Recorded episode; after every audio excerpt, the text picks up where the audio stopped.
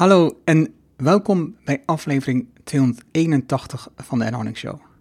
Waar je leert van ondernemers en ondernemende mensen die bijzondere resultaten bereiken, welke beslissingen ze genomen hebben om hier te komen, wat ze doen, de strategie en hoe ze klanten krijgen. Mijn naam is Erno en ik deel mijn opgedane kennis, ervaringen en expertise met jou. Ik coach ondernemers zodat ze stap voor stap de juiste beslissingen nemen om uiteindelijk een gezonde groeimotor te creëren, zodat de onderneming vanzelf loopt.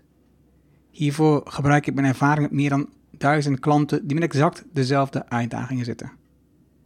Vandaag het gesprek met Hanni van Vulsteren Kamran. Hanni is eigenaresse van Tabanon, directeur van HK en voorzitter van de Kik van Sport. Ze is een echte ondernemer of het nu gaat over business of reizen. Ze houdt van avontuur en nieuwe dingen ontdekken. In haar hoofd zit ze altijd in de toekomst. Ze begon met backpacken op haar 19e en ondertussen heeft ze meer dan 40 landen bezocht. Haar eerste bedrijf had ze op haar 17e en haar tweede op haar 19e. Ze vocht haar eerste internationale wedstrijd op haar 19e. Ze heeft ondertussen 9 jaar op het SIOS gedoseerd en doseert nog steeds op de Kalo in Zwolle. Wat een mooi gesprek was dit met een bijzonder ondernemer. Zo vroeg als ze begonnen is met ondernemen en nu met drie vestigingen en zich ontwikkeld heeft als een echte ondernemer. Ze heeft de combinatie van de Nederlandse en Iraanse gewoontes gebruikt om een veilige plek te bouwen voor de collega's en de leden, klanten. Het mooie is ook hoe ze geleerd heeft om de ruimte te nemen en minder te werken in het bedrijf. En meer aan het bedrijf en ook de ruimte neemt voor haarzelf. Veel plezier met de inzichten van Hanni. Laten we beginnen. Welkom in de Erno Hamming Show. De podcast waarin je leert over de beslissingen om te groeien als ondernemer met je bedrijf. Luister naar de persoonlijke verhalen van succesvolle ondernemers en ondernemende mensen. Dan nu jouw business coach Erno Hamming. We zitten weer op afstand, of nog steeds misschien wel gezegd. Ehm, en we hadden ook eerst een afspraak in Zwolle een paar maanden terug. Maar nu doen we het digitaal, nog steeds veiliger met corona. En ik praat nu met Hanni van Vilsteren. Ik moet even wennen om de naam, want uh, toen ik haar voor de ontmoette, heette ze nog Hanni, Hanni Kamran. Welkom Hanni. Ja, dat klopt. Dankjewel. Je bent ondertussen getrouwd. Ja. En, Vorig jaar. Precies. En ook um, in verwachting. Dat zie, dat zie je nu niet, maar... Ja, ja, aan mijn gezicht dan. Maar ja, ik ben ja, iets, iets meer dan vijf maanden in verwachting, ja. Oh, wauw. Een nieuwe fase breekt aan in je leven. ja, dat hoor ik van iedereen. Nee, daar kom je gauw genoeg achter. um, dat hoor ik ook van iedereen. uh, kijk, wij, wij, hebben elkaar leren kennen op uh, Fuck Up Night um, in Zwolle. Mm -hmm. En jij werd, was een van de mensen uit het publiek die werd gevraagd ook een Fuck Up te delen. Overigens weet ik niet meer precies welke het was, maar dat, wat jij op dat moment vertelde, dacht oh, dat is wel gaaf. En ook na het spraak nog even, dacht oh ja, ik wil, ik wil meer van jou leren uh, als ondernemer, wat je allemaal doet. Ik, ik zag het met een ander ondernemer dat men praten, dat je dan ook uh, personal coaching doet met ondernemers en, en, en uh, managers en zo mensen. Dus, um, ja, dus blij dat ik met je kan praten nu, omdat uh, jouw geschiedenis die is intrigerend, hoe je bent. En laat ik beginnen bij een van jouw doelen die je hebt opgeschreven een paar keer, die ik bij zag komen, is dat je twee boeken wil schrijven.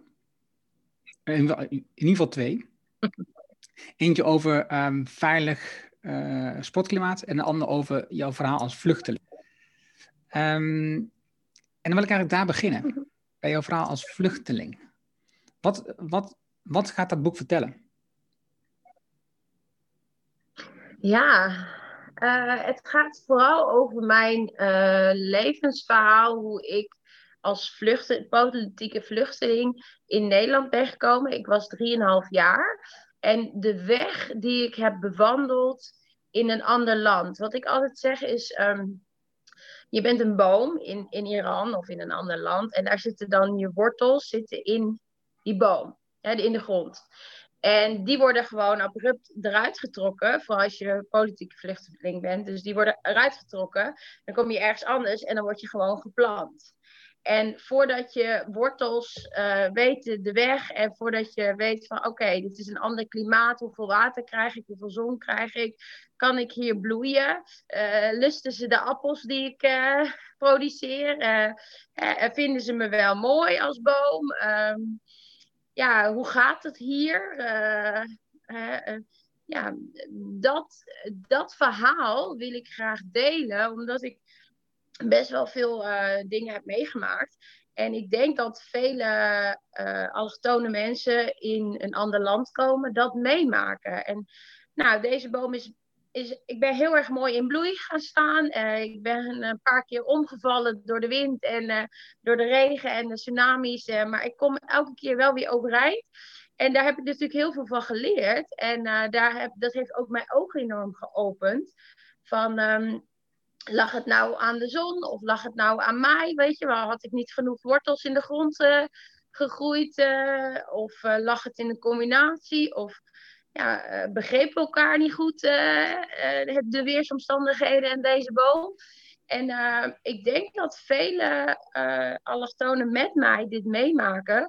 En uiteindelijk ben ik in volle bloei gaan staan. En die reis zou ik graag willen delen, zodat uh, zowel allochtone als autochtone mensen meer begrip krijgen voor um, uh, een, een, de situatie die er is, dat als je als boom ergens anders uh, eruit wordt getrokken en geplant wordt, wat dat is. Maar ook voor uh, allochtone mensen van hey, hier kan je allemaal tegenaan lopen. En zo kan je ermee omgaan en zo kan je het interpreteren. En, uh, ja, en ik hoop dat het boek uiteindelijk, uh, als je het eenmaal hebt gelezen, dat er gewoon van, van uit allerlei kanten meer begrip komt naar elkaar, zeg maar. En, en ik denk dat je dan 1 plus 1 3 krijgt. En um, hoe lekker is het dat we tegenwoordig bananen kunnen eten die niet in Nederland groeien, bijvoorbeeld. Hè?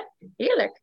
En als die banaan je niet afschrikt en die banaan en die kleur je niet afschikt. En uh, de smaak even proberen voordat je denkt, hé, hey, wat een boer niet kent, dan lust ik niet. En uh, weet je, als je dat soort dingen een beetje op een leuke, grappige manier vertelt en, uh, en meer begrip komt, dan gaat misschien de boer ook eens een keer een banaan proeven en denkt, hé, hey, dat is best lekker die banaan. Of, oh, ik snap ook wel dat die een hele reis heeft gemaakt en een beetje verrot in dit land aankomt. Of, en weet je dat, je, dat je, dat je elkaar gewoon wat meer ehm, begrijpt en dat je daardoor door het begrip gewoon 1 plus 1 3 krijgt. Uh, en, um, en 3 is gewoon heel mooi. Uh, daar kan je zoveel van elkaar leren. Ja, zoveel meer voor elkaar doen. En ja, het is letterlijk, mijn man is een Nederlandse man. En dus 1 plus 1 is 3 in mijn buik. Dus daar kunnen hele mooie dingen van ontstaan. En ja, en wij hebben ook tegen heel veel dingen samen aangelopen, maar uitgevogeld. En ja, we zijn echt wel 1 plus 1 is 3. En, en dat, dat als leraar, want ik ben natuurlijk van origine lerares, wil je altijd mensen wat meegeven en inspireren om een, een betere versie van jezelf of van de wereld te creëren. En dat zou ik wel graag met mijn boek willen doen. Dus dat is dat is een beetje vertel, zo verteld. Want wanneer komt het boek er? Ja, dat is een goede vraag. Het is altijd met boeken schrijven. Daar moet je tijd voor hebben. Dan moet je... Ik heb nog nooit een boek geschreven. Mijn moeder was wel schrijfster, Massome Aberin. Uh, en uh, zij uh, heeft ook in de krant geschreven en heel veel columns. Dus ik heb nog nooit een boek geschreven. Um, dus ik moet daar gewoon aan beginnen. En uh, ik, ik was op wereldreis toen de corona uitbrak. Dus uh, ik had mijn uh, schriftjes mee en mijn aantekeningen om te beginnen te schrijven. Maar voordat ik daaraan kon beginnen, was er wel weer iets anders. En dat is dat de corona en terugkomen en andere en bedrijven die je moet. Ik heb meerdere bedrijven die dan ja, die mijn ondersteuning ook nodig hadden. Dus uh, ja, Ik, uh, wat ik zoek is iemand die dit misschien met mij wil schrijven. Iemand die goed kan schrijven, zodat ik kan vertellen. En dat, dan denk ik dat hij sneller er komt dan dat ik zelf achter de typemachine moet gaan zitten en uh, beginnen. Ook omdat ik gewoon minder goed in schrijven ben. Nou, die, dus mensen zijn er, dan, ja, die mensen zijn er beslist. Ja. ja. Dus ik denk dat ik die eerst moet vinden.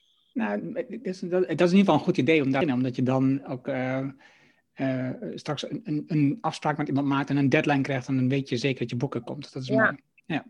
ja. Wat vind jij van, van dit verhaal als je dit hoort?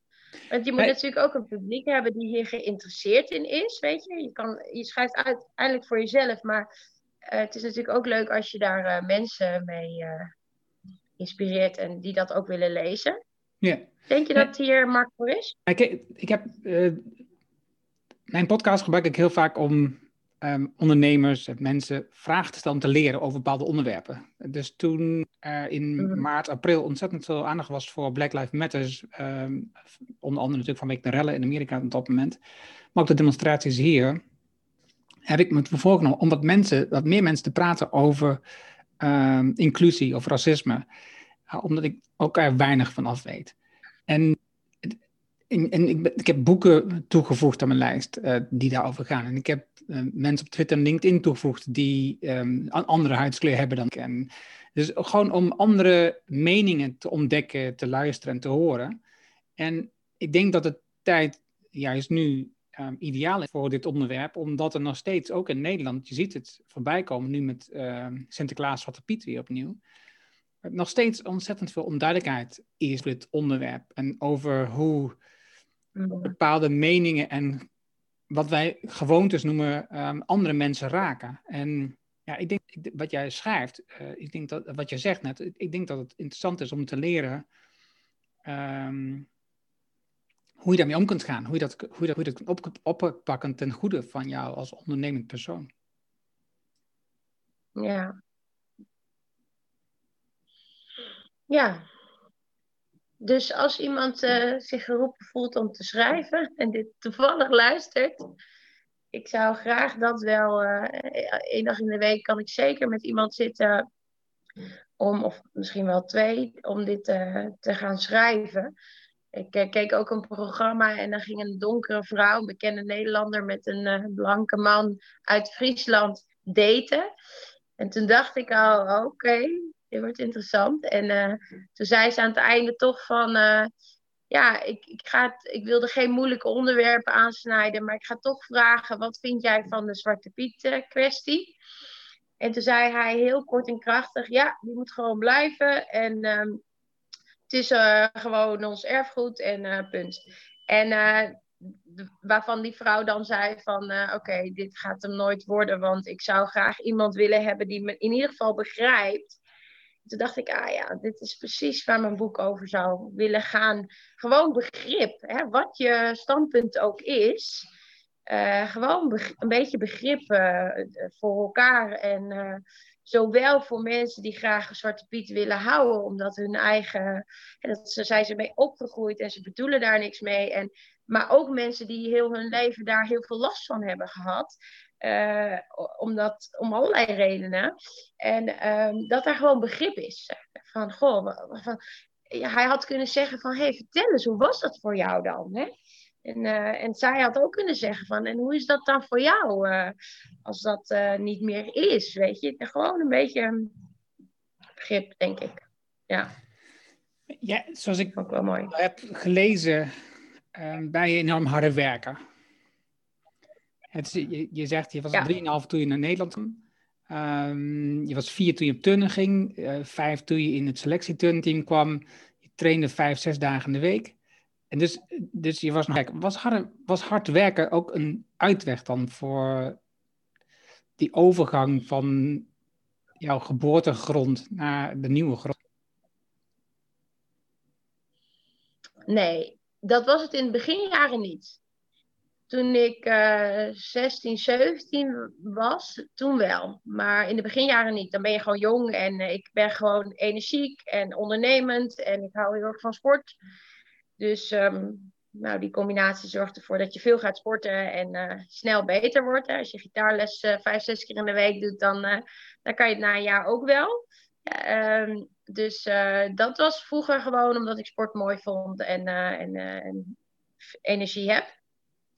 Maar op mijn zeventiende toen heeft mijn moeder ons verlaten.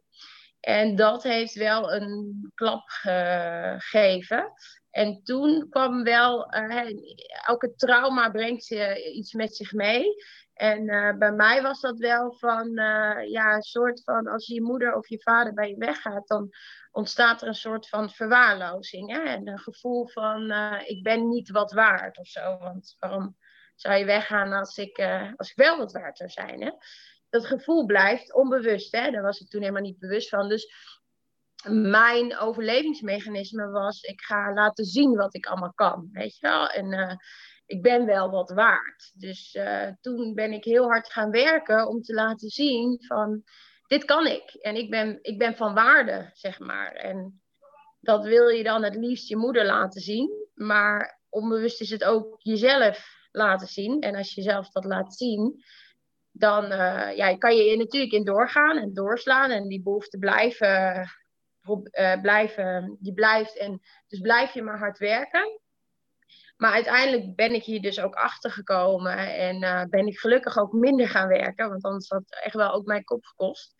Dus daar komt uh, het harde werken later vandaan. maar in mijn jongere jaren was het voornamelijk gewoon leuk sporten en energievol.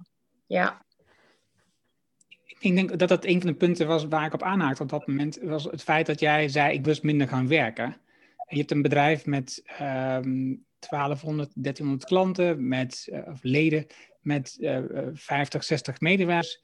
Um, en, en dus een pannen moet je een keuze maken dat je het niet aan mezelf kunt. Wat, wat, was, wat was die switch dan voor jou? Dat je realiseert, is niet, ik kan niet alleen maar hard werken. Nou, ik, ik hou heel erg van filosofie en over nadenken over het leven. En uh, toen ik 27 was, toen kwam ik er dus ook achter wat de beweegreden is dat ik zoveel werk. Hè? En, uh, en nou, voordat je daarvan af bent, uh, ben je ook wel een paar jaar verder of vanaf, maar dat het minder, minder wordt. Dat je denkt van nou, dit hou ik niet vol, zeg maar. en um, toen um, had ik een. Uh, nou, ik zocht ook gewoon mensen op waar ik uh, inspirerende verhalen van hoorde. En ik woonde toen in Blokcel eventjes. En daar had ik een buurman en die woonde in een heel klein huisje. En die was twee keer miljonair geweest. En die had een e-, enorme jacht gehad. En, en hij heeft alles verloren. En uiteindelijk had hij echt zo'n oud bootje wat, dat je dacht van nou, dat gaat zinken als ik erin stap. En toen zei hij ook van ja, op op deze boot voel ik het water en voel ik meer de wind en ben ik echt in de natuur. En op mijn jacht had ik helemaal niet het gevoel dat ik op de boot, op een boot zat. En uh, voelde ik helemaal niet dat ik op, in water was, want dat was giga groot. En, en uh, dus dat soort verhalen van bepaalde mensen ook, dat je dacht van ja, weet je, waar draait nou het leven om en waar geniet je het meeste van? En uh, wat is nou belangrijk? Um, dat hielp mij wel om steeds beter te denken van... Ehm, is dit waar ik naartoe wil? Want ik merkte wel dat het uh, uiteindelijk is het best wel eenzaam aan, uh, aan, de, aan de top, zeg maar. En uh, je bent altijd moe om. je hebt geen tijd om met je vrienden af te spreken, want je bent dan moe hè, van het werk.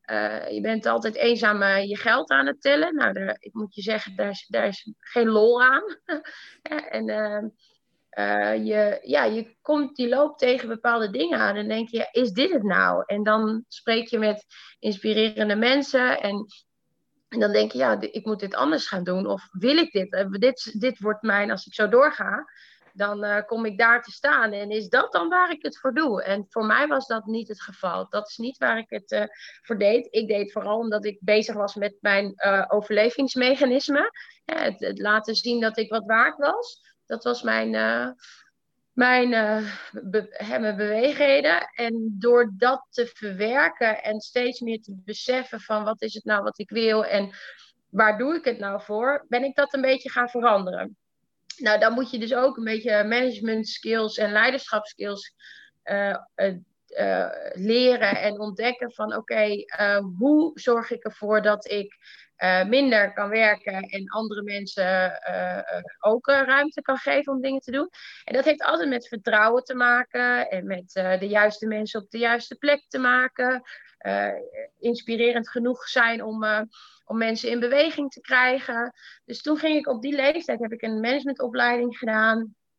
Niet omdat ik dacht, oh daar ga ik het leren, maar meer omdat ik dacht, ben ik op de goede weg? En uh, doe ik het wel goed? Weet je, ik kan een weg inslaan en denken, nou, dit is de weg die ik moet bewandelen. Maar uh, het kan zijn dat ik halverwege denk, oh nee, dit was toch de verkeerde weg. En dat is een beetje zonde van mijn tijd. Dus toen heb ik een managementopleiding daarnaast gevolgd om te checken of ik het dan wel goed deed, zeg maar. En dan, daarnaast had ik in mijn personal training had ik, ja, ik had heel veel directeuren, leidinggevenden, die bij, en dat, nog steeds, die bij ons trainden, die ik dan zelf les gaf en die dan uh, in de rustpauze vroeg van, hey, ik uh, loop hier tegenaan, hoe doe jij dat dan? Hè? En uh, ja, daar waren echt wel CEO's van multinationals, dus die hadden daar ook wel kaas van gegeten. En dat um, combineerde ik dan met um, mijn studie en ik probeerde het uit. En uh, dat werkt. Uh, hè, dus mensen, en je moet wel zorgen dat je de juiste mensen vindt. Eerlijke mensen die je kan vertrouwen. Die de sleutel van je voordeur bij wijze kan geven. En dat je niet allerlei camera's erop moet zetten. En uh, controles erop om te checken of ze wel doen wat je wil dat ze doen. Je moet iemand gewoon een sleutel geven en zeggen van nou, ga je gang. Ik denk dat jij het kan. En ook ehm, wel de juiste persoon op de juiste plek. Want als die dan steeds valt, ja dan er ook, uh, heeft hij er niks aan en jij ook niet. Dus uh, en dan uh, moet je hem alleen maar inspireren en begeleiden en ondersteunen. En, um, en leren van je fouten. En zo doorgaan. En, en dan kan je zorgen dat jij gewoon je werk blijft doen en niet alles doet. En, um, en dus meer tijd hebt voor jezelf. Hoe vind jij dan de juiste mensen? Dat is een hele goede vraag. Um, want dat, dat, dat vinden veel mensen lastig. Kijk, ik heb daar een bepaald talent voor, maar toevallig, gewoon gekregen.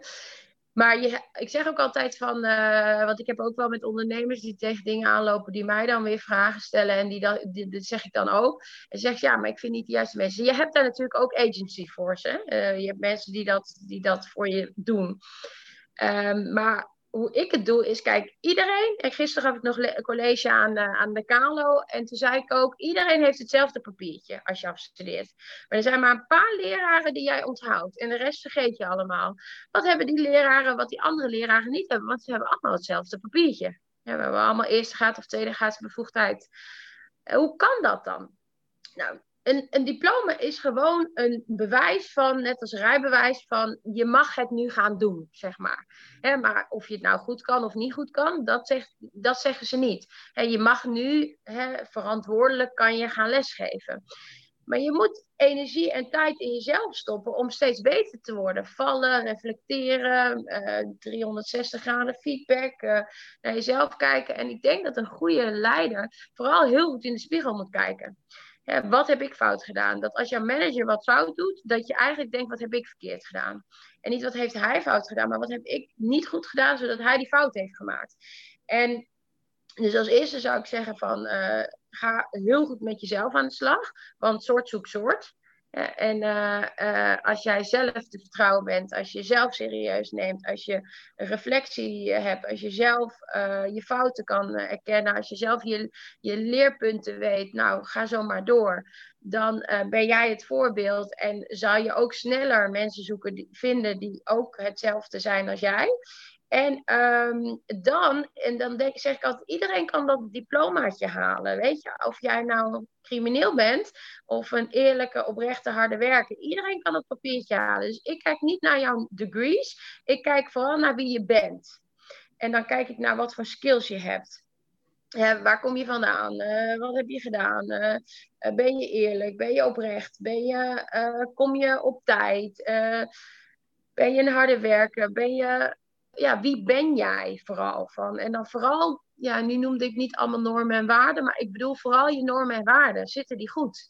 Want in een discussie uh, over hele moeilijke dingen, vooral in de coronatijd, gaat het niet meer om uh, wat heb jij op, uh, school geleerd. Nee, dan gaat het om wie ben jij. En als iemand hier iets geks doet in je bedrijf, dan is de waardes van jouw manager veel belangrijker dan het, de skill die hij kan, zeg maar. Hè. Die skill ga ik ervan uit dat je het kan. Maar die skill kan ik je ook leren. Hè. Dat kan je iemand leren. Maar om iemand eerlijk te zijn en ehm, verantwoordelijk te voelen en, uh, en uh, je zaak goed te behandelen zoals je ze eigen zou behandelen, ja, dat kan je niet iemand leren. Dat doe je of dat doe je niet.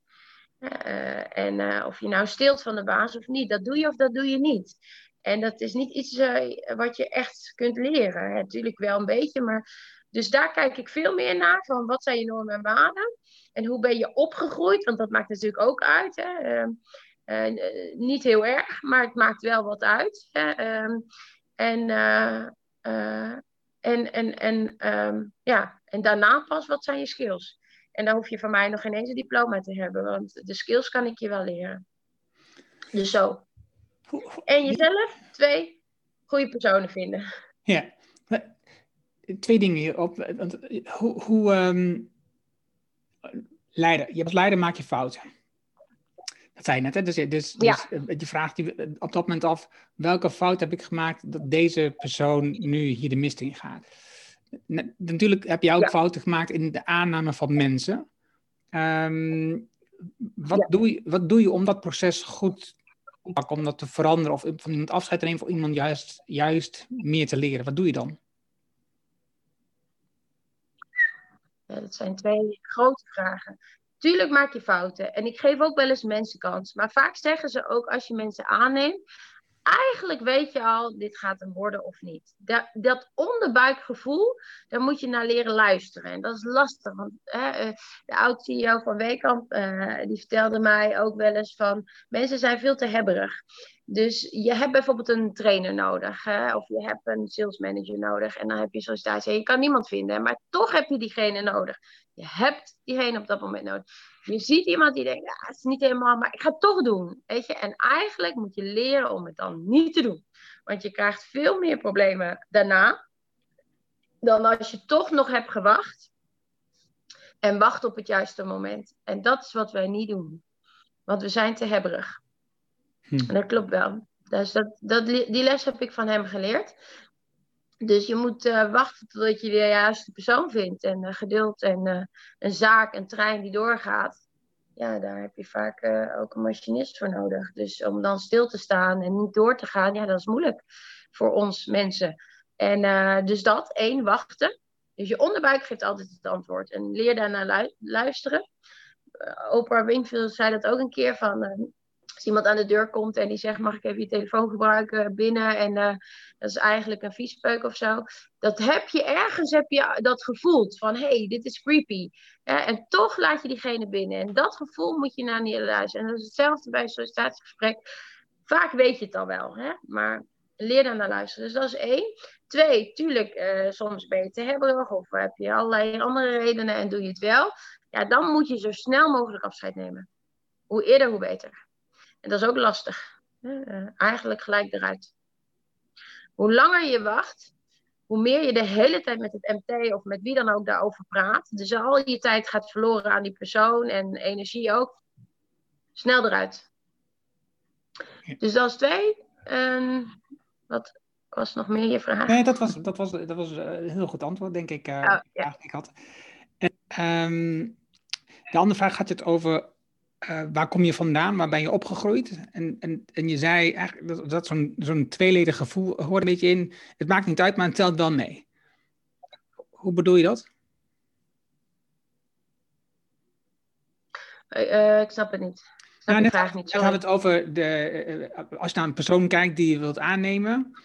Um, kijk je naar allerlei normen en waarden, oh, je kijkt naar allerlei eigenschappen. Oh, ja. En op een moment zei je van waar je bent gegroeid dat, uh, dat is ook belangrijk, maar en, en telt wel en telt niet mee. Er zat een soort wijvel in. Ja. ja. Kijk, mijn man komt uit een gezin waarbij de ouders nog steeds bij elkaar zijn. Ze hebben een Labrador. en uh, hij heeft gymnasium gedaan. en hij had één klein bijbaantje. En ze vieren kerst en Pasen en noem maar op ja, dan kom je gewoon uit een warm gezin waarin je de ruimte had om te bloeien. En ja, als je mij dat vertelt in een sollicitatiegesprek, dan, dan weet ik wel van oké, weet je, je hebt goede voorbeeld gehad van je ouders, want die zijn nog steeds bij elkaar, die uh, hebben hun problemen doorgeworsteld. Je hebt gestudeerd, dus dat betekent dat je in het weekend ook uh, moest blokken. Uh, je hebt een labrador, weet je, dat betekent dat je liefde voor dieren en, en, en, en dat soort dingen ook hebt meegekregen. Dat zegt iets over iemand natuurlijk. Nou, mijn ouders zijn uit elkaar. Ik heb geen hond gehad. Ik heb mijn VWO niet kunnen afmaken omdat mijn ouders uit elkaar gingen en toen mijn moeder ons verliet. Dus uh, ik heb later wel mijn degrees gehaald, maar um, niet toen ik uh, 18 was. Uh, dus ja, maar ik, ik zou mezelf ook aannemen. Dus soms maakt het wel uit. En, uh, en zegt het wel iets over iemands geschiedenis natuurlijk. Van uh, waar kom je vandaan? Kom je uit uh, de ghetto of kom je uit de, de juppenbuurt? En ook dat betekent, beide kan dat positief zijn. maar, maar waar kom je vandaan en wat heb je gedaan en wat is je geschiedenis? En hebben je ouders een labrador? dat maakt uit. heb je al een hond of niet? dus Nee, mijn man wil wel een hond, maar, uh, en ik zou ook wel een hond willen, maar wij reizen heel veel. En dat is gewoon niet handig. Nee, dat klopt. Dus uh, nee. nee. Um, we hadden het over, je had het over die bomen en over de grond ja. waar je opgroeit, waar je de wortels in zijn en dan word je eruit gerukt en wordt je in nieuwe grond geplant. Heb je ergens, want je reist veel, dat zijn het al, maar ik had dat ook uit je vraag gehoord heb je, heb je de behoefte om terug te keren naar die grond waar je wortels vandaan komen? Hm. Ja, ik ben, er, ik ben er geweest. Ik had niet de behoefte om terug te gaan. Want als je eenmaal aardt hier. Hè, ik ben een trotse Nederlander. Hè, echt een trotse Nederlander. Ik ben echt ook trots om te zeggen dat ik uit Nederland kom. Dus ik ben hier gewoon geaard. Dit is mijn land. Ik betaal belasting. ik uh, doe wat voor de maatschappij. Dus uh, dit is, dit is uh, mijn land en ben trots ook op, uh, op, op Nederlander zijn en op de Nederlander. Dus ik zou zeker niet terug willen. maar met, mijn journey van wie ben ik nou en, en waar kom ik vandaan en hoe is het om hier te zijn, was het wel interessant om eens te gaan kijken van waar, waar kom ik dan vandaan.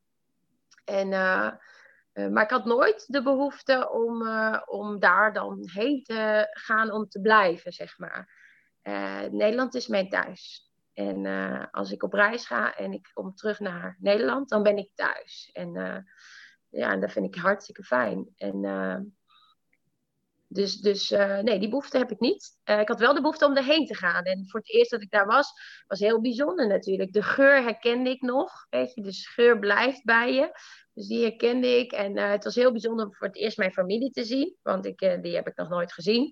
En, en daar, de, om dat te zien. En het is heel bijzonder dat je tantes gelijk van je houden, terwijl ze je nog nooit hebben gezien. Uh, het is heel bijzonder dat mensen van je houden, je opa en zo, en hoe die uh, knuffelt van, hé, hey, je bent mijn kleindochter. Ja, dat gevoel ken ik niet. En um, dat was heel bijzonder om mee te maken. En uh, ja, de Iraanse tradities was heel leuk. Uh, want ik ben in huis natuurlijk wel Iraans opgevoed. Ik had de Iraanse taal. Mijn, mijn moeder maakte geen boerenkool met worst.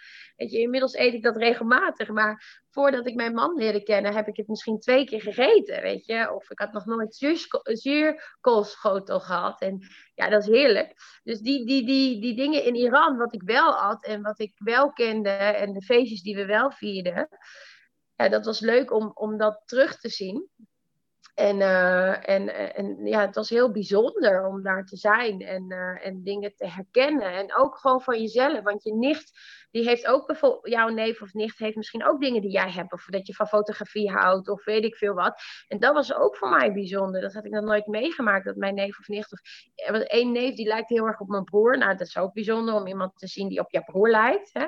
En um, dus er waren heel veel dingen bijzonder. Het is wel zo, en ik denk dat heel veel allochtone mensen daar ook wel in uh, herkennen, is daar ben je ook een buitenlander. Hè? Want je hebt een ander accent. Je hebt niet hetzelfde accent dat zij hebben. Mijn wenkbrauwen zijn op de westerse manier gemaakt en niet op de Dus zij zien gewoon bijvoorbeeld aan mijn wenkbrauwen al, aan mijn accent, aan mijn wenkbrauw. De manier waarop ik mij kleed en presenteer is heel anders dan de mode daar. dus daar ben ik ook uh, buitenland. En ik heb ook Nederlandse uh, tradities meegekregen en gewoontes. En ehm, dat, daar ben ik ook anders. Hè? Hier ben ik anders en daar ben ik ook anders. Dus dat bleef wel hetzelfde. Maar het was heel bijzonder om dingen mee te maken en te horen. En ook te horen waar je moeder vandaan kwam of je vader. En het, heel veel kwartjes vielen ook voor mij. Ik kom echt uit het platteland in het noorden. Daar ben ik ook trots op. Maar ik ben een carrièrevrouw en ik heb een, een huis gekocht. En, maar in mijn huis, ik woon aan de rand van Zwolle, in het bos. Ik heb allemaal dieren, dingen om me in mijn huis verzameld. En denk, ach ja, eigenlijk kom ik gewoon van het platteland. En dat zit ergens toch in mijn genen. En ik heb vloerbedekking, want dat vind ik veel fijner lopen, want ik loop op blote voeten. En in Iran heeft iedereen vloerbedekking en lopen ze op blote voeten. En ja, dat heb ik zo per ongeluk gedaan. Maar dan herken je wel van, oh ja, hey, dat, dat zijn mijn Iraanse, daar komt dat vandaan of zo. En uh, ja, dat is wel heel bijzonder en leuk om, uh, om mee te maken. En het verrijkt je gewoon enorm. Uh, maar ik, eh, nogmaals, ik ben een trotse Nederlander. Ja. Het andere ja. wat je wil schrijven, dat gaat over een veilig sportklimaat. Jij geeft bij uh, ja. verschillende instanties en scholen les. Um, je zei al, je, was, je bent uh, lerares, ben je opgeleid. Is het, is het sportklimaat in Nederland niet veilig genoeg dat er een boek moet, over moet komen? Ja, dat denk ik wel. Leg eens uit. Ik denk wel dat het ergens ook veilig is. Op het CIOS, toen ik daar nog werkte, heb ik ook, uh, ben ik veel bezig geweest met veilig sportklimaat. Dus dat was niks dat uh, Nederland dat ook uh, wilde, zeg maar. Dat, dat we daarmee bezig gaan. En, en sportservice is ook altijd veel daarmee bezig. En als ik dan naar sommige seminars van sportservice ga en daar bestuurders van sportverenigingen zie en hoor, dan denk ik ook altijd van, nou, daar mag zeker nog wel aandacht aan besteed worden. Dus uh, om verschillende redenen dat dat zo is. Dus ik denk wel. En dan heb ik het niet over misbruik in de sport of zo. Daar heb ik het gewoon over dat iemand een club binnenkomt en zich op zijn gemak voelt en uh, vrienden maakt en uh, er gelijk bij hoort en gelijkwaardig is en ehm, gezien wordt en gehoord wordt en uh, de leraar contact maakt, dat je op zijn niveau de, de les aanbiedt, zodat die makkelijk in kan stromen. Daar heb ik het voornamelijk over. En ik denk dat daar nog heel veel in te leren is. Dat de groepsdynamica goed is, dat als je nieuwkomer bent, dat je gelijk verwelkomd en in de groep hoort en dat je de groep leert dat te doen.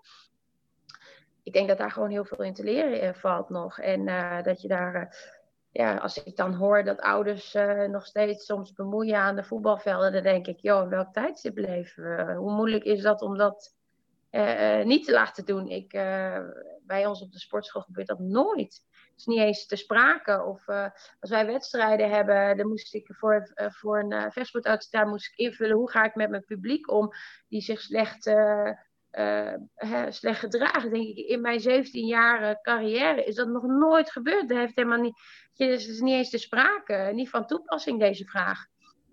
Dus dat kan je creëren als je een veilig sportklimaat hebt. Dan creëer je dat en dan gebeuren die dingen helemaal niet.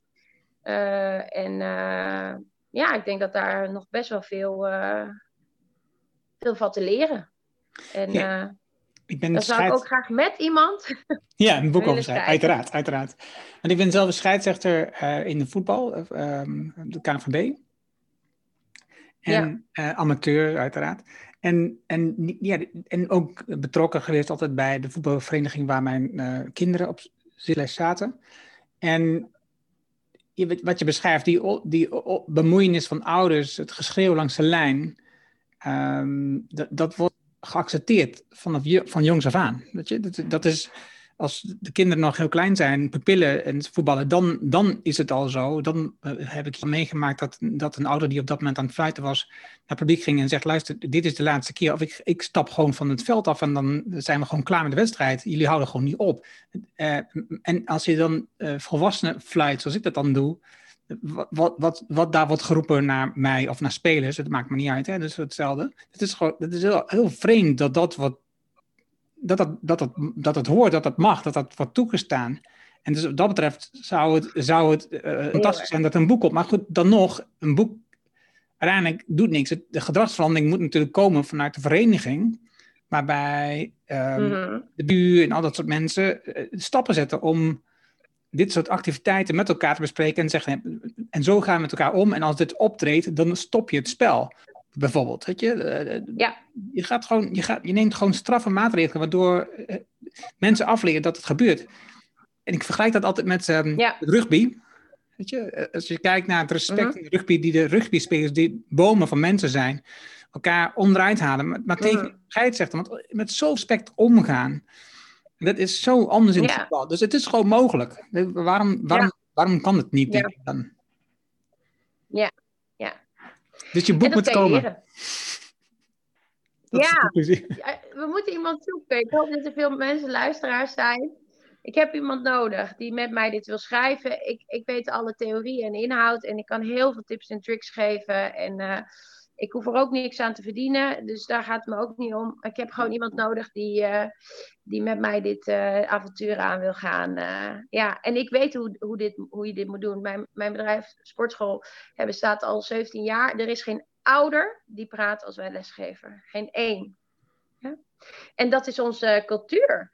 En als die cultuur er is, ja, dan doet iedereen mee natuurlijk. Hoeft er maar, het is gewoon vreemd als je dat doet. Dan kijkt iedereen je aan van, wat doe jij nou?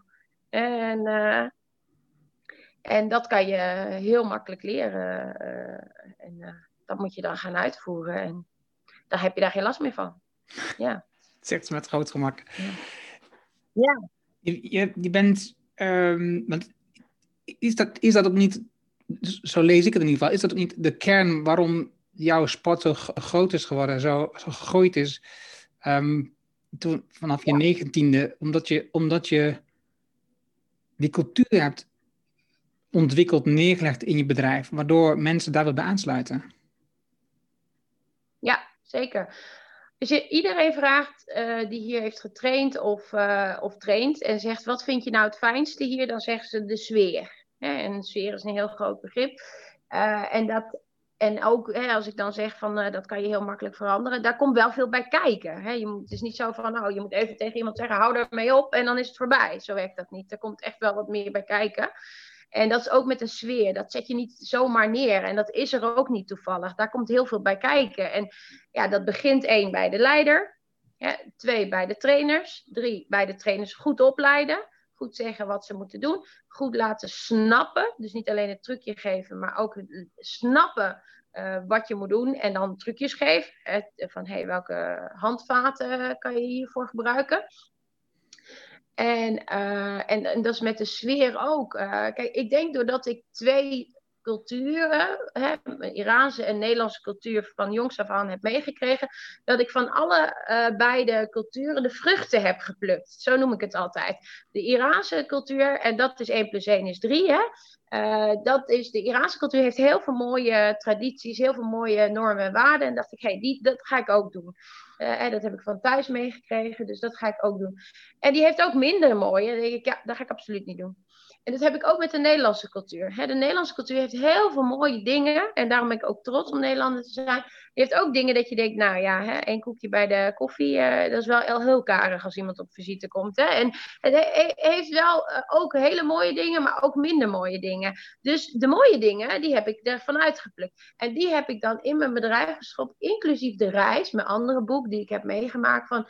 Waar liep ik nou tegenaan? Zowel uh, als cultuur, maar ook als um, vrouw die ging kickboksen in die tijd, weet je, je gewoon in elkaar gerost. En dan leerde ik ook wel van, oké, dit is niet echt chill. Hoe kan ik dit uh, beter doen? En ja, ik deed dan de, de, de KALO hè, en de, de ALO dan, uh, de Christelijke Academie Lichamelijke Opvoeding. En daar leerde ik natuurlijk didactiek, methodiek, pedagogiek. En alles wat ik dan leerde, stopte ik gelijk in het bedrijf, inclusief de cultuur en de dingen die ik had meegemaakt, waarvan ik dacht: oké, dat is niet echt chill. Hoe ga ik hiermee om? Kijk, in, bijvoorbeeld, ik zeg altijd in Iran: als iemand gaat verhuizen, dan maakt de buurt voor, de hele, voor, de, voor het gezin eten. Dus hij verwelkomt degene die komt verhuizen. In Nederland is het andersom. Als je verhuist, dan moet je een soort van uh, welkomstfeestje of, uh, of een soort van homecoming geven. Maar het is moeilijker, of hoe heet zoiets, een housewarming voor de buurt. Maar het is moeilijker als nieuwkomer om uh, dat te doen, als dat je daar al bent en iemand verwelkomen. Dus dat heb ik uit de Iraanse traditie, dat als je in de sportschool komt, dan moeten mijn leden moeten nieuwkomer verwelkomen. En die geef ik ze handvaten en trucjes mee, hoe je dat doet. Zo heeft de nieuwkomer natuurlijk een veel fijnere. Die komt ergens binnen met zijn jasje en zijn overgewicht. Of, uh, of te weinig spieren. Of wat voor reden ook wat hij spannend vindt. En vindt het al spannend, van ik ken niemand. En dan zegt de club: hey, welkom joh, hoe heet je? Ja, daar moet je zijn. Oké, met lesgeven. Oké, hey, ik help je eventjes. En dan wissel ik door en iemand anders helpt je. Hoe fijn is dat? En dan denk je: wauw, hier word ik uh, gezien. Hier word ik geholpen. Hier uh, ben ik geen nieuwkomer er wordt een feestje voor mij gemaakt terwijl ik hierheen verhuis. En dat heb ik daarvan meegenomen naar de sportschool en merkte dat bijvoorbeeld heel veel mensen dat prettig vonden. en, uh, nou, zo kan ik nog honderdduizend voorbeelden geven. Die zorgen voor dat je een fijn en veilig, pedagogisch uh, sportklimaat, eh, sfeer, ook wel genoemd, bedrijfscultuur in bedrijven, je hebt er allerlei namen voor, die je creëert voor een sporter. En ja, dat. Mooi, mooi. Wat was ook weer de vraag? Nee, want ik, ik, ik zat er mezelf te denken. Wij, wij, de scheidsrechtervereniging doen we ook. Um, is een vereniging, dus wij, wij, trainen ook op donderdagavond. En af en toe komt er een, iemand kijken of komt er een nieuw lid. En het, het, gebeurt precies wat jij beschrijft, maar dan andersom. Weet je? Het komt een nieuw lid. En, uh, en ook bij de, bij de atletiek over de hardlopen precies hetzelfde.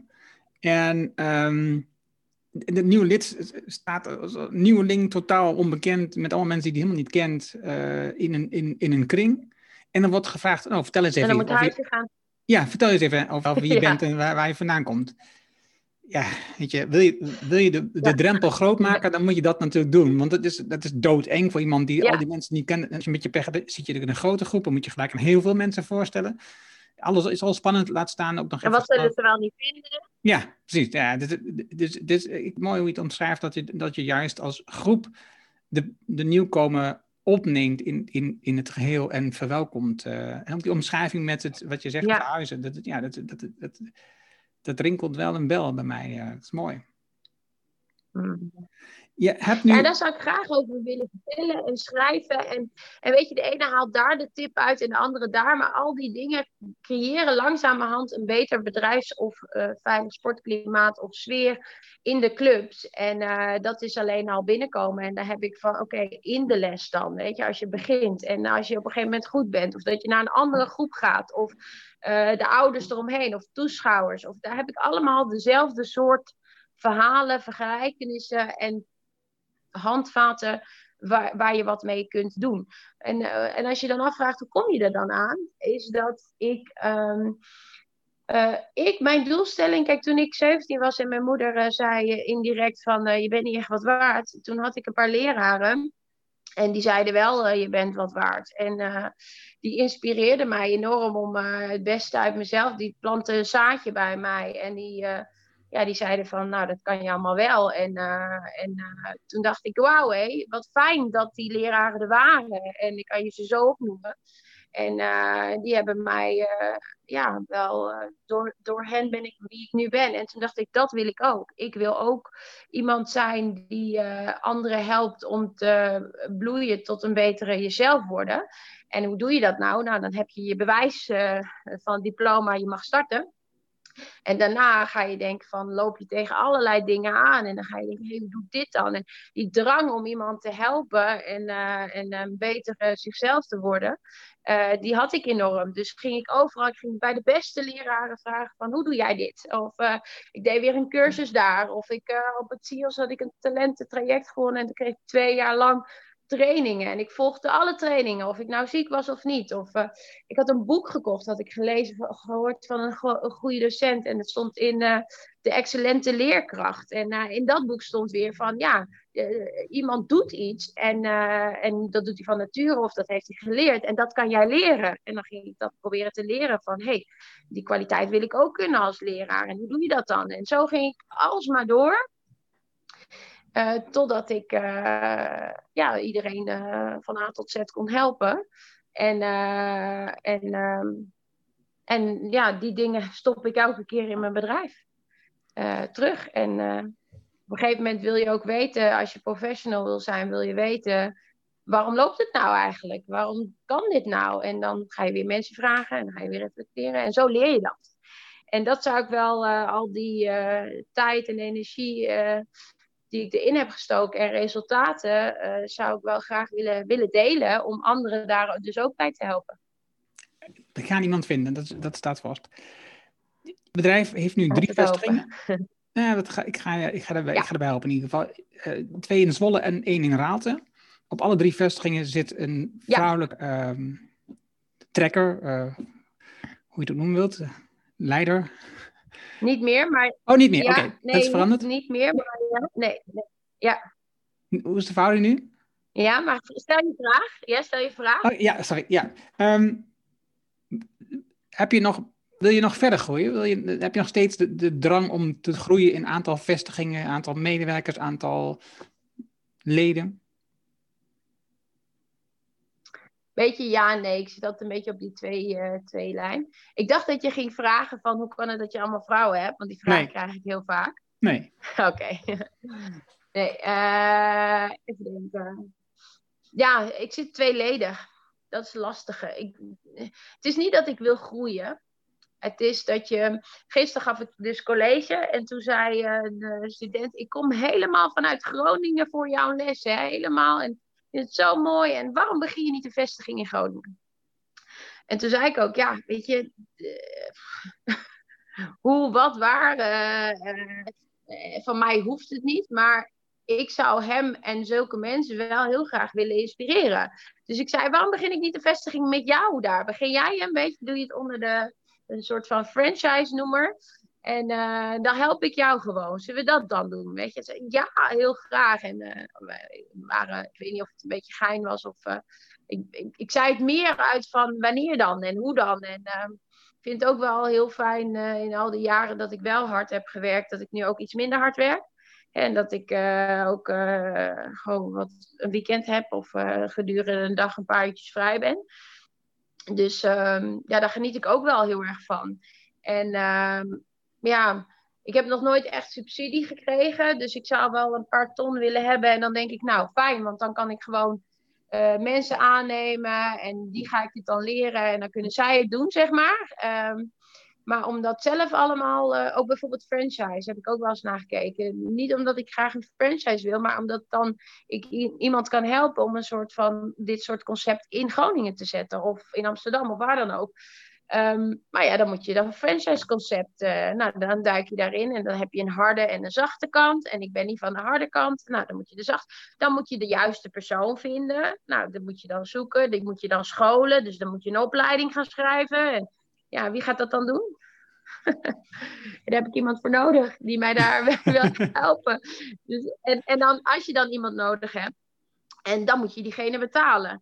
En uh, kijk, als je, wat ik zei, als ik een potje had, dan, uh, dan van de overheid of van wie dan ook. Of, uh, dan, dan zou ik het met alle liefde willen doen. En dan zou ik er niet eens aan hoeven te verdienen. Uh, maar dan heb ik gewoon een dag om met diegene te gaan werken. En diegene moet uitvoerend zijn. En als ik het nu zelf moet doen, dan moet ik in al die dingen zelf uitvoerend zijn. Of ik moet iemand betalen om dat te gaan doen. En ga ik dan die investering daarin steken? Ja, dat, dat uh, ik wil graag samen met iemand die investering erin uh, insteken. En in deze tijd heb je soms ook heel veel uurtje factuurtje, weet je wel. Dus um, ja, daar, daar um, en, en voor mezelf hoeft het niet. Ik hoef geen vestiging in Groningen. Ja. Ik hoef ook niet vijf vestigingen, ook niet tien. Want dan uh, ik vind het leuk dat we er meerdere hebben, maar dat was meer om, om, om de behoefte die er, die er was. Maar ik, ik hoef er zelf niet meer, maar ik gun wel mensen dit concept en um, en de manier waarop wij dingen doen. En dat wil ik best wel met mensen die uh, de juiste persoon zijn. Uh, die wil ik dat best wel leren. En met diegene dan uh, ergens een sportschool beginnen. Of een boek schrijven. Of, dat zou ik wel willen, ja. ja. ja. In, ja, de vraag op je website, dan heb je het over de toekomst. Dat was 2018. En dan schets je het beeld dat je over, over twee jaar wilde je misschien wel iets anders. En het zou ook maar zo kunnen zijn dat um, Tabanon daar een minder grote rol in speelt. Dat was twee jaar geleden, in 2020. Dus nu ben je ongeveer op dat niveau. Je, je, je wordt moeder. Hoe kijk je er nu tegenaan? Ja, nog steeds hetzelfde. Ik zou een jaar op reis gaan. We gingen ook weg. We, hebben, we zijn getrouwd. Toen heb ik een half jaar voorbereiding gehad om uh, Tabenol zo neer te zetten dat het zonder mij uh, verder kon. En dat kon. Dus in februari zijn we naar Nieuw-Zeeland uh, gegaan. Daar waren we ook. Daar zaten we op een gegeven moment ook vast. En um, dus ik zou een jaar lang de tijd nemen om te gaan denken van hoe ga ik dat dan neerzetten. En, en bezig met mijn boek schrijven. En toen kwam de corona en toen moest ik met een repatriëringsvlucht terug naar Nederland. En uh, toen moest ik keihard weer aan het werk en dat heb ik gedaan. En uh, het gaat goed met Tabenon en gelukkig. En uh, ja, alles weer opnieuw neer moeten zetten. Het was een en al chaotisch. En kijk, wat ik zeg is, ik heb een schip neergezet en gezegd: jongens, jij bent kapitein nu en jij bent matroos. En deze koers moet je varen. En dit moet je doen. Maar vaar deze koers een jaar lang en dan kom ik wel weer terug. En ik check één keer in het kwartaal met jullie. En, we hebben, en, ik, en één keer in het kwartaal geef ik een beetje koersen, verschillende dingen aan. Maar voor de rest is, we gaan die kant op. En toen kwam coronastorm. en uh, wind en uh, regen en haaien en uh, golven. En ja, zij weten natuurlijk niet welke koers ze op moeten gaan. En wat we moeten doen. En die ervaring hadden zij gewoon niet. daar heb je jarenlang ervaring voor nodig. Dus toen moest ik terugkomen en oké, nou, er is één iemand overboord gegaan. Hè? Eén iemand stopt ermee. Of uh, ja, we hadden eerst zoveel leden, we hebben er nu minder. Dus er komt minder geld binnen. Dus hoe gaan we het schip repareren? En uh, nou, noem maar op. Zo kwam er van alles en nog wat uh, bij kijken. En nou, roosteringen moeten veranderd worden. Want ja, met minder leden kan je minder lessen draaien. En je moet je voorstellen, wij geven ongeveer 160 lessen per week. Dus dat is een heleboel. En uh, dus dat moest allemaal geroosterd worden. En toen zei dan jij weer, dan mag dit niet. En dan moet je naar buiten. En dan moet je, oké, nou, dus kwam, we hebben zo hard gewerkt de laatste maanden. Dat ik niet bezig ben geweest met mijn boek of uh, de toekomst. En de toekomst was vooral dat jaar had ik nodig om te gaan denken van, hoe ga ik dat doen? En ik zit daar nog steeds mee. Van hoe ga ik dat doen? Uh, omdat ik graag wel ook andere dingen. Kijk, ik heb Tamel natuurlijk al heel lang. En ik denk ook dat andere mensen dat heel goed kunnen. En ik zou dus wel met een groepje franchisers willen zitten en zeggen van oké, we gaan tien tablons in Nederland neerzetten. Word je eigen toko. Ik ga jullie de aankomende jaar helpen hoe je dat neerzet. En dan moet mijn handen vrij zijn van Tabenon zelf. En uh, of ik ga uh, die twee boeken schrijven. Uh, dus daar heb ik zin in om andere dingen te gaan doen. En dit zorgt ervoor, en helemaal corona zorgt ervoor dat ik terug wordt getrokken naar dit schip. Uh, en uh, dit schip is af. Het kan zonder, me, zonder, zonder de kapitein. Er mag tijd voor een nieuwe. En, uh, en, en, dan wil ik iets anders gaan doen. Ja, ja dat klinkt heel mooi. Ja. Ik, um, ja. ik heb genoten van je. Ik had, ik had Dank voorbereiding. Ik ook voor jou. Nou, mooi. Ik vind dat je het heel leuk doet. Ja, ja dank je wel. Leuk, leuk gesprek. En ik, ja. had, ik had veel over je gelezen. Ik heb natuurlijk veel punten ook die ik niet heb gevraagd. Die, over, over hoe 19 begon, uh, 22 uh, toen je de eerste les gaf, even 23 de eerste lessen gaf, de eerste mensen een opleiding had in je eigen, in je eigen Er zijn zoveel dingen die, je, die ik heb verteld. De, maar uiteindelijk gaat het om, om de dingen die je nu wel hebt verteld. En dat vond ik mooi om te horen. Um, uh, waarom je dingen ja. doet. En ook uh, met, met je intentie, met je gedachten erachter um, en ook nog steeds de drive om mensen beter te maken. Dat is, dat is natuurlijk een mooie missie uh, in het leven. Ja, dankjewel. Dankjewel. Dat was het mooie gesprek met Hanny. Je vindt de namen en de links die we noemen in het artikel dat bij deze uitzending hoort. Ga daarvoor naar ernohanning.nl slash show 281. Wil je vanzelf de volgende aflevering op jouw telefoon krijgen? Dat kan heel eenvoudig. Abonneer dan op de Ernoning Show. Heb je een iPhone, dan zit daar standaard de Apple Podcast app op. Open die app en zoek de Ernoning Show en klik op abonneer. Heb je een Android telefoon, dan installeer je bijvoorbeeld de Player FM app.